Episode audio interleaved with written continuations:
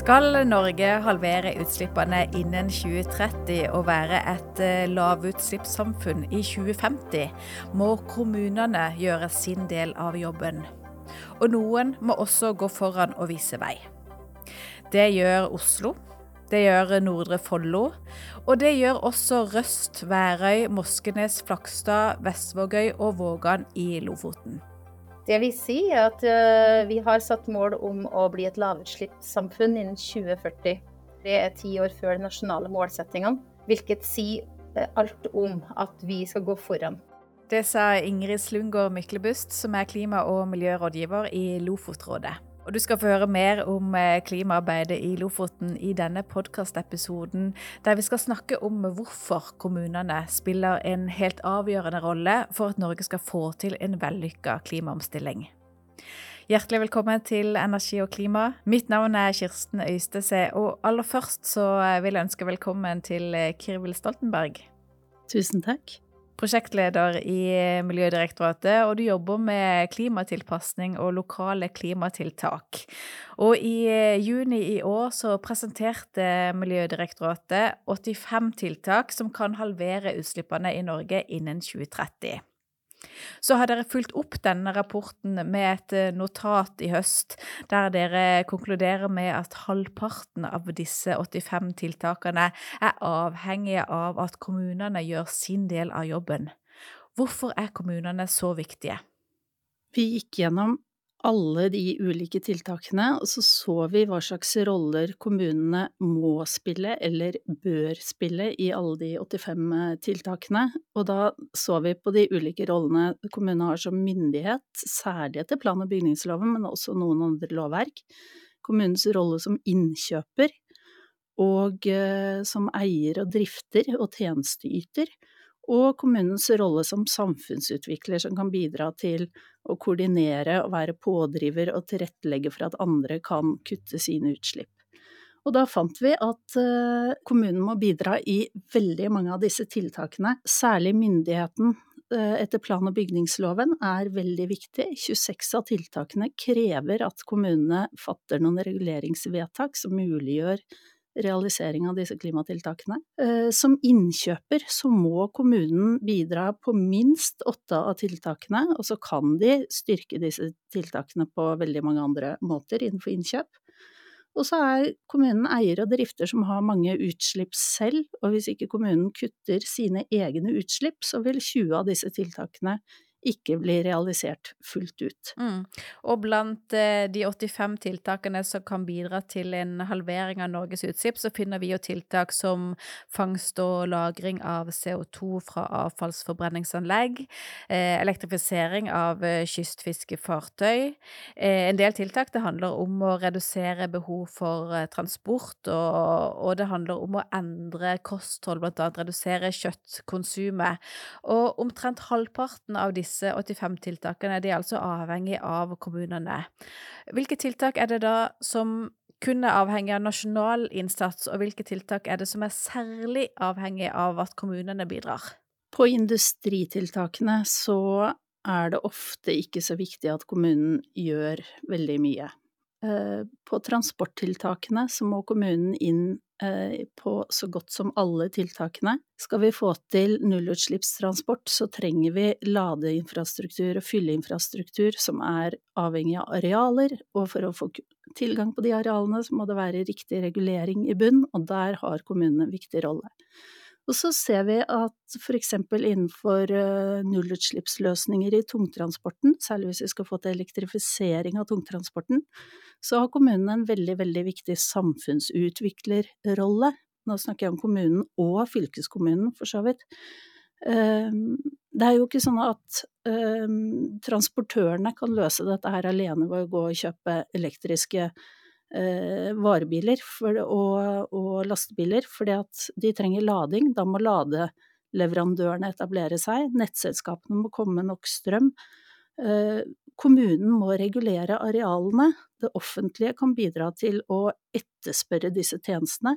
Fylkeskommunen må faktisk utdanne de eh, de eh, mekanikerne som skal reparere disse kjøretøyene. Så det er veldig mange aktører som må gjøre sin lille del. Og, og det krever innsats fra annet kommunen, og det krever, altså krever, samarbeid mellom kommuner og regioner. Vi ser at på Østlandet så har uh, Vestfold og Telemark og Viken blant annet uh, gått sammen om et veldig godt arbeid for å, for å se hvor er det langs de store transportårene vi trenger lade- og fylleinfrastruktur. Det er ikke nyttig at hver enkelt kommune tilrettelegger for lading av svære kjøretøy, men med passe mellomrom så må det være muligheter. Og da må, må veldig mange snakke sammen, og her kan kommunene ta en veldig viktig samfunnsutviklerrolle. Mm. Og i dette notatet om eh, kommunenes eh, rolle, så peker dere på en ting som, eh, som er interessant, og Dere sier at kommunene har et stort handlingsrom, men de færreste bruker det. Hva handler det om da? Hva er det de mangler som gjør at de ikke bruker hele, hele handlingsrommet? Er det penger, er det vilje, er det kunnskap, er det interessekonflikter de støter på? Jeg vil si at det er alle tingene, gjerne på én gang.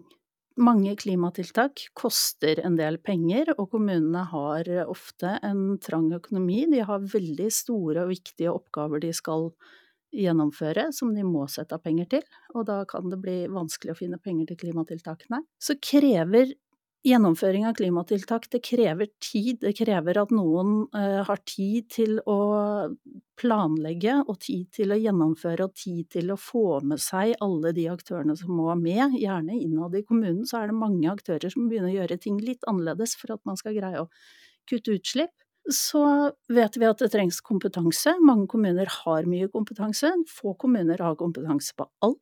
Det tar tid å opparbeide seg den kompetansen, og det er ikke bare én klimarådgiver som trenger å ha den kompetansen, det er på en måte en kompetanse som må spres utover hos veldig mange. Og så kreves, krever det politisk vilje, og det tar tid å legge fram gode forslag, det tar tid å forankre, det tar eh, politisk tid å prioritere klima eh, når mange andre ting skal eh, få oppmerksomhet også. Så kombinasjonen av penger og tid og kompetanse og, og vilje tror jeg er barrierer i veldig mange kommuner. I, eh, I, notatet så skriver dere jo rett ut at det er behov for å stille strengere krav til at eh, kommunene prioriterer klimaarbeidet. Hvilke krav er det som bør stilles? Nå er det ganske tydelige forventninger til kommunene om å bidra på klimaområdet. Det er statlige planretningslinjer for klima- og energiplanlegging og klimatilpasning. Den eh, blir kanskje revidert. Eh, der er det tydelige forventninger. I nasjonale forventninger til kommunal og regional planlegging, som regjeringen kommer med hvert fjerde år, er det veldig tydelige forventninger, men det er fri, frivillig hele veien å legge vekt på klima. Og kommunen har kjempestore og kjempeviktige oppgaver og veldig, veldig mye å gjøre, og det er ikke rart at det er vanskelig å prioritere klima. Så kanskje den frivilligheten er for krevende til at vi kan nå klimamålene.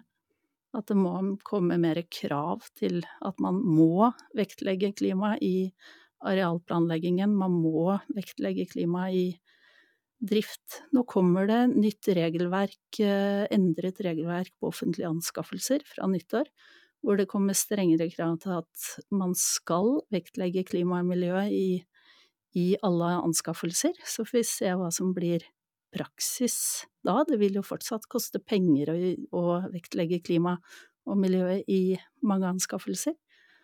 Det håper vi at kan bidra, er et eksempel på styrking av, av forventningene. Mm. Men er det tilstrekkelig krav i det som kommer fra nyttår, eller er det fremdeles for stor åpning til å, til å legge vekk eh, klima av hensyn til f.eks. kostnader? Jeg skal ikke si om det regelverket som kommer, kommer til å være godt nok eller ikke. Eh, DFØ, Direktoratet for forvaltning og økonomistyring, har laget eh, veiledning, og regelverket trår i kraft fra nyttår, og må, vi må se hvordan praksisen blir. Eh, dette her er jo ikke helt rett frem og helt enkelt å vekte klima. Det er mange ting som skal vektes i en anskaffelse, det skal på en måte summa summarum bli en god anskaffelse.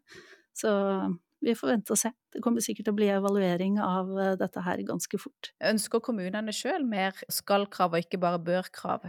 Nå snakker jo vi stort sett med saksbehandlere i kommunen, og da får vi veldig ofte beskjed om at vi skulle gjerne hatt mer eh, skal-krav. Men om det da er, eh, er det Kommune-Norge og det politiske Kommune-Norge ønsker, det tør ikke jeg å svare på. Mm. Men det er klart at når det er krav, så er det, det er enklere å prioritere hvis, ting, hvis beskjeden er at sånn må det være, istedenfor at man skal vurdere om man skal bruke et handlingsrom, og hva er konsekvensen av å bruke handlingsrom, eller konsekvensen av å ikke bruke det. Det er jo krevende avveininger, bare det i seg selv, å ta stilling til om man skal velge å gjøre noe eller ikke velge å gjøre noe. Vi har 356 eh, kommuner i Norge, og noen er jo folkerike storbykommuner, mens andre er øykommuner uten fastlandsforbindelse. Hvilke tiltak er da relevante for alle kommuner som grep for å prioritere klima? Tenke klima i, i arealplanleggingen sin, det er eh, Alle kommuner driver arealplanlegging. Alle kommuner kan gjøre denne arealplanleggingen mer eller mindre klimavennlig. Og for noen kommuner, som det er veldig mye utbygging, så handler det mye om å bygge ut så smart som mulig. For de kommunene som har veldig mye areal, så handler det kanskje om å, når man bygger ut der, å bygge ut litt trangt der også, sånn at man bevarer så mye som mulig av karbonrike arealer. Det vil også være veldig bra for eh, biologisk mangfold hvis vi greier å bygge ned litt mindre. Og så eh, tenker jeg at alle kommuner kan se på hele budsjettet sitt som et klimavirkemiddel. Kommuner og fylkeskommuner kjøper for ca. 265 milliarder kroner i året, det er 2021-tall. 60 milliarder av de går til bygg og anlegg. Og det er klart at hvis alle kommuner eh, sier at vi vil gjerne investere disse pengene litt mer klimavennlig enn det vi har gjort hittil, så kan vi få til ganske mye samlet. Det kan være kjempeviktig for, eh, for næringslivet om mange kommuner etterspør helst så like ting som mulig, for da er, da er det lettere å tilpasse seg som leverandør. Og så er det dette med å tilrettelegge for at eh, andre kan kutte sine utslipp, og kutte sine egne utslipp i egen drift. Altså elektrifisere kjøretøyene sine, gjøre tiltak innenfor renovasjon, eh, samle opp deponigassen som nå siver ut en del steder, gjøre matsvinntiltak i all kommunal matservering, eh, enøktiltak på bygg, utslippsfrie løsninger så langt man greier i all anleggsforvaltning, se om man kan greie å få til noe mer sirkulære løsninger. Og den eh, tilrettelegging for at næringsliv og innbyggere kan kutte sine utslipp, det handler jo mye om transport, for eksempel. Eh, samle funksjoner, sånn at man ikke trenger å kjøre bil mellom, mellom mange steder. Man kan eh, komme seg til et sted, og så kan man gå mellom de ulike funksjonene. Regulere disse arealene som næringslivet trenger for enten det skal være å skipe ut CO2 til eh, CO2-fangst og -lagring, eller det er å, å uh, få opp ladestasjoner som gjør at, uh, at, næringslivet kan bytte ut sine kjøretøy. Du har nevnt plan- og bygningsloven flere ganger, og dette med at kommunens rolle som tilrettelegger og planlegger, og, og egentlig en veldig viktig rolle i å, å, legge til rette for et samfunn, og da tenke langsiktig. Eh, kanskje ikke så vanlig, eller så, så innarbeida ennå dette med at kommunen kan være med og tenke hvordan ser samfunnet vårt ut i 2030, 2040, 2050 og forbi der? Jeg tror det varierer veldig mye fra kommune til kommune. For noen kommuner så, så har de gjort det veldig lenge. Eh, noen kommuner ser nok på seg selv i mye større grad som en samfunnsutvikler, mens andre kommuner ser på seg selv i, mye, i stor grad som en tjenesteleverandør som leverer viktige tjenester innenfor omsorg, utdannelse, renovasjon, vann, men ikke, men ikke tenker at de skal spille så veldig, veldig mye større rolle enn det. Men jeg tror her varierer det veldig, veldig mye fra kommune til kommune. Mm. Hvordan bør de tenke på seg som en eh, samfunnsplanlegger, da?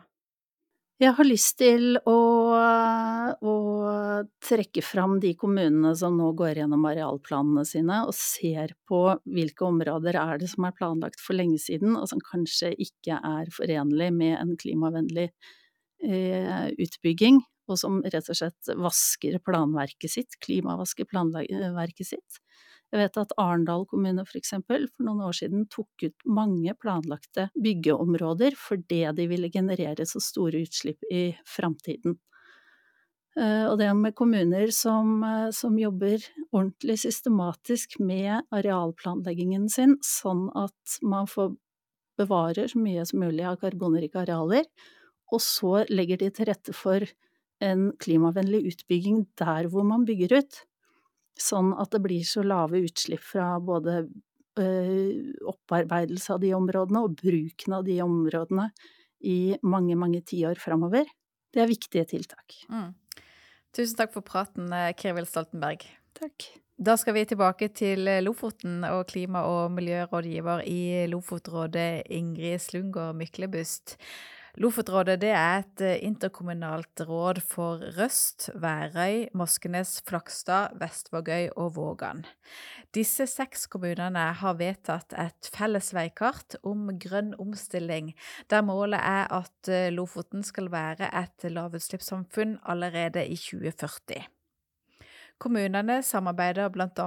om klimaregnskap, om grønne anskaffelser, og har nå starta arbeidet med å få laga et areal- og naturregnskap som ikke ser hver kommune for seg, men hele Lofoten samla.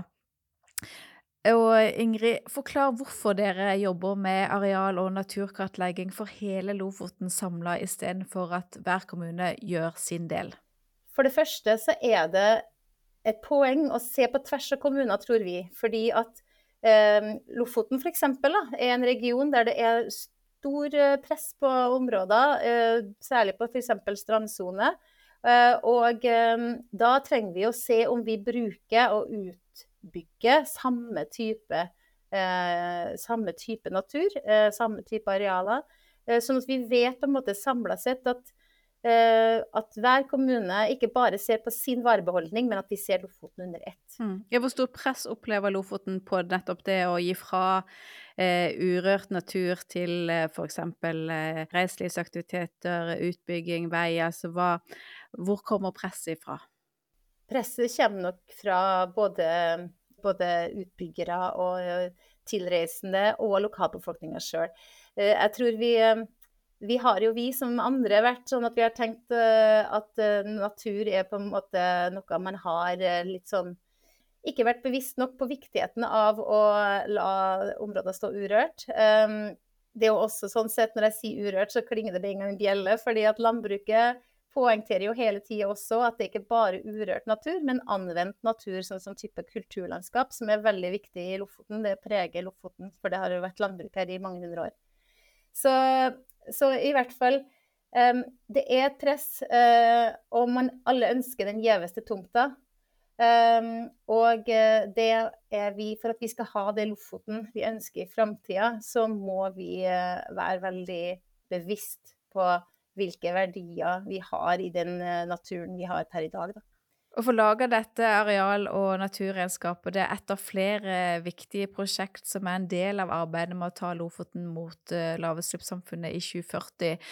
Og når dette regnskapet er på plass, hva skal dere bruke det til? Når vi uh, disponerer arealene våre, så skal vi vite hva verdiene er. Altså vi skal så godt det lar seg gjøre, i hvert fall. Og så mener jeg at det er et kommunikasjonsverktøy. En ting er at det er for planleggende et verktøy, men jeg tror eh, absolutt det er viktig at naturregnskap er kommunikativt.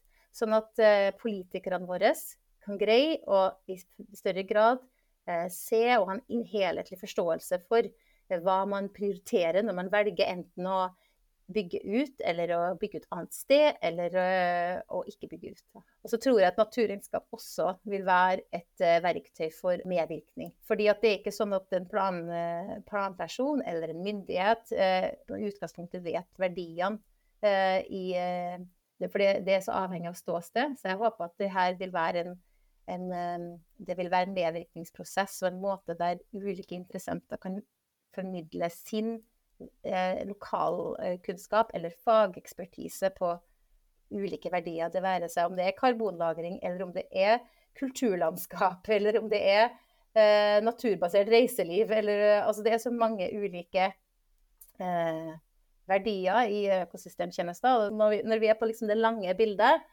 eh, så tenker jeg at, eh, at naturregnskap er et veldig viktig verktøy som jeg tror vil gi økt eierskap til hvordan vi, hva vi har i vår kommune og i vår region, og hvordan vi ønsker at det skal fortsette å være eller utvikles framover. Veikartet mot lavutslipp i 2040 og den strategien som dere kaller Lofoten, de grønne øyene, handler om at Lofoten skal være en attraktiv region i fremtida, både for besøkende og ikke minst for fastboende. Og Samtidig så skal dere da lykkes med utslippskutt og grønn omstilling. Hva er egentlig barrierene? Altså en barriere Man kan alltid gå rett på det med at man ikke har eh, midler. Altså at man, en kommune eh, har veldig mange lovpålagte oppgaver som er helt åpenbart veldig viktig. Og så kan det være veldig vanskelig da, å eh, skulle prioritere opp eh, nye hensyn som kanskje ikke er så eh, synlig lokalt, eh, hva man har gjort, eh, resultatet og effekten. Så det er midler, det er kapasitet. Eh, det er på en måte forståelse for hva skal vi gjøre, hvordan skal vi gjøre det. Eh, og det er veldig harde prioriteringer. Men jeg tenker at eh, alle må bidra inn til et helt eh, avgjørende grep for framtida for våre etterkommere.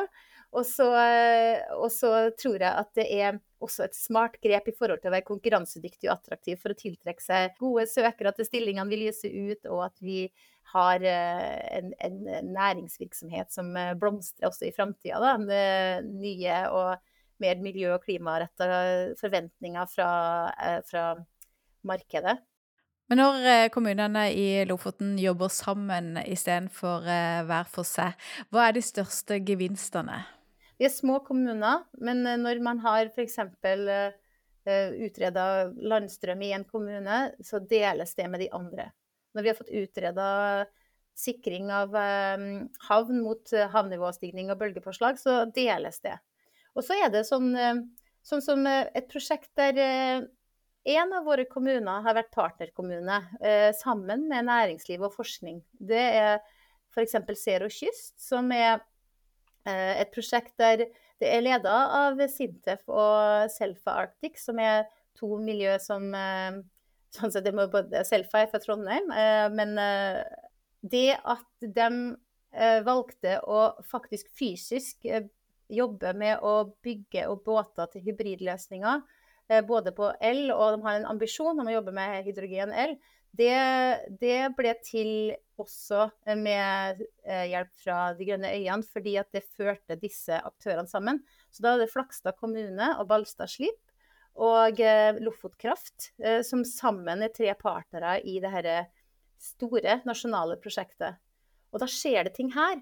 Og det som er så det, er så, altså det har vært eh, det er en krevende prosjektet. Altså det er krevende i forhold til at virkemidlene ikke har vært forutsigbare for å støtte selveste ombygginga av båtene og sånn. Men, men, det som så vi, Og det jo, tenker jeg har, dette prosjektet har gjort oss bedre i stand til å kommunisere kunnskapsbasert på hva er det som faktisk av og til setter bremseklossene hardt på grønn omstilling. Og det jo, tenker jeg er viktig, for det er helt naturlig at Lofoten har en stemme på grønn omstilling innenfor kystfiske. Det, det, er her det skjer. Og det er, ville vært synd om vi på en måte da ikke hadde en stemme, eller ikke hadde samla kunnskap nok til å vite akkurat hva er det som skal til for å få det til. da. Så det, så det, tenker jeg at Grønne øyne har vært med og samla Fått disse aktørene til å møtes, som gjorde at de ble med. Og det er liksom de her små nudgene som, som, kan skape en stor liksom sånn enten-eller. Så det, det, er en eksempel. Et annet eksempel er jo at f.eks. Vestvågøy og Vågan kommune de har nå eh, sammen med Lofoten avfallsselskap eh, gått sammen om å eh, å søke støtte fra Miljødirektoratet til eh, Vi fikk klimasatsmidler til å eh, kjøpe to eh, elektriske renovasjonsbiler. Og elektriske renovasjonsbiler har vært prøvd ut andre steder, men infrastrukturen her er annerledes. Det krever en annen en måte, måte, å gjøre ting på for å få til faktisk å eh, å bruke de her elektriske bilene og få til det som trengs eh, på deknings... På rekkevidde og diverse. Så, så det og så har Lofoten avfallsselskap tenkt nytt, så de bruker ikke egentlig å eie disse bilene. De bruker transportørene å gjøre, de bruker å kjøpe transportørtjenesten av avfall. Men nå går de til anskaffelse og leaser ut for å gjøre det her mulig. Og alt det her, det er resultatet av samarbeid. At man har snakka sammen. At liksom Vestvågøy og Vågan og LAS og Lofotrådet snakka sammen og fant ut at dette må vi bare få til. Og da må alle liksom legge sin brikke inn i det puslespillet, så får vi det til. Og så heldigvis så la Miljødirektoratet sin brikke med støtte også. Og da tenker jeg at uh, ting skjer, da. Og at dere samarbeider nettopp om grønne anskaffelser, det kan lønne seg både for kommunene, men også for næringslivet, har du sagt. Hvorfor det? Vi er tross alt Eh, et lite marked, på en måte. Vi er færre eh, som, skal som, skal både anskaffe og levere på ting. Eh, og eh, selvfølgelig, så når vi legger ut anskaffelser, så, så kan alle eh, gi tilbud på det. Men vi ønsker jo at våre små og lokale leverandører også skal ha en sjanse til å om det er det å kjøpe eller lease den, elektriske anleggsmaskinen, eller hva det nå er.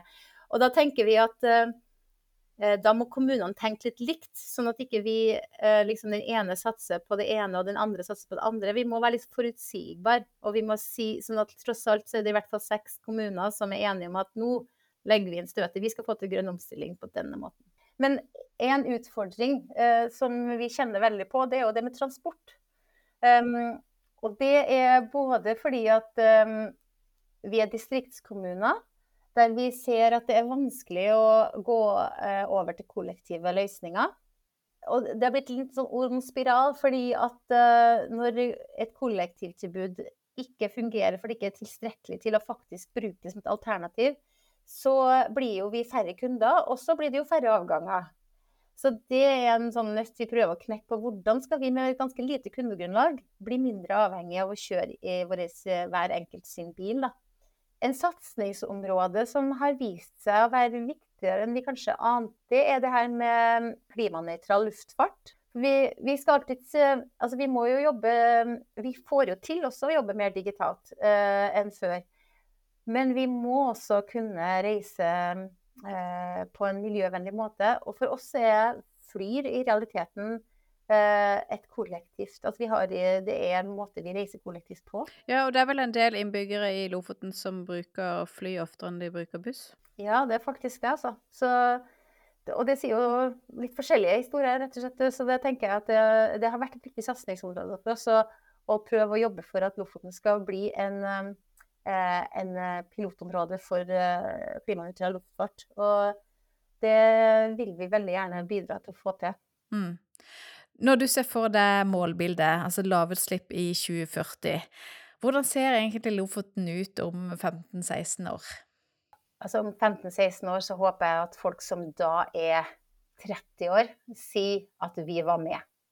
Det, være, det, det er et av de øverste overordna målene. Det er at det skal være ungdomsmedvirkning.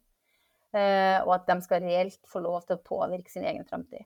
Jeg har et drøm om at min datter, som nå er ni år eh, jeg håper, at, eh, jeg håper at hun drar, reiser ut i Norge eller, eller lengre for å skaffe seg litt eh, perspektiv, bredere perspektiv og se nye ting. Men jeg håper at når hun kommer tilbake, om hun kommer for å bo eller besøke, så håper jeg at hun sier det at dere, det er så stolt av Lofoten. Dere dere, er, dere tar så godt vare på befolkningen, dere tar så godt vare på naturen. Og det er liksom så tøffe bedrifter her, og dere gjør så mye bra. Det håper jeg at du liksom kjenner på. Hva tenker du at eh, andre kommuner bør lære av Lofoten? Å snakke sammen. Og, og, og hvis, man, hvis, man, vet at man har noen ting man ikke er enige om, så, så dropp å snakke om det først, da. Ta Snakk om det man kan bli enige om først. Eh, vårt veikart dekker slett ikke alt. Eh, og det kan det sånn sett ikke gjøre, men vi har vært utrolig flinke til å og politikerne våre har vært utrolig flinke på å tenke hva kan vi bli enige om, så vi kommer i gang. Så det, det vil jeg si er kjempeviktig. Og så en erfaring vi har gjort oss gjennom the hard way, da, på en måte, det er jo at fordi man, hvis man vedtar regionale strategier eller interkommunale strategier, så skjer det ikke nødvendigvis noe på kommunalt nivå. Så hele tida jobbe med forankring, jobbe med få det inn i Få de satsingene inn i planverket.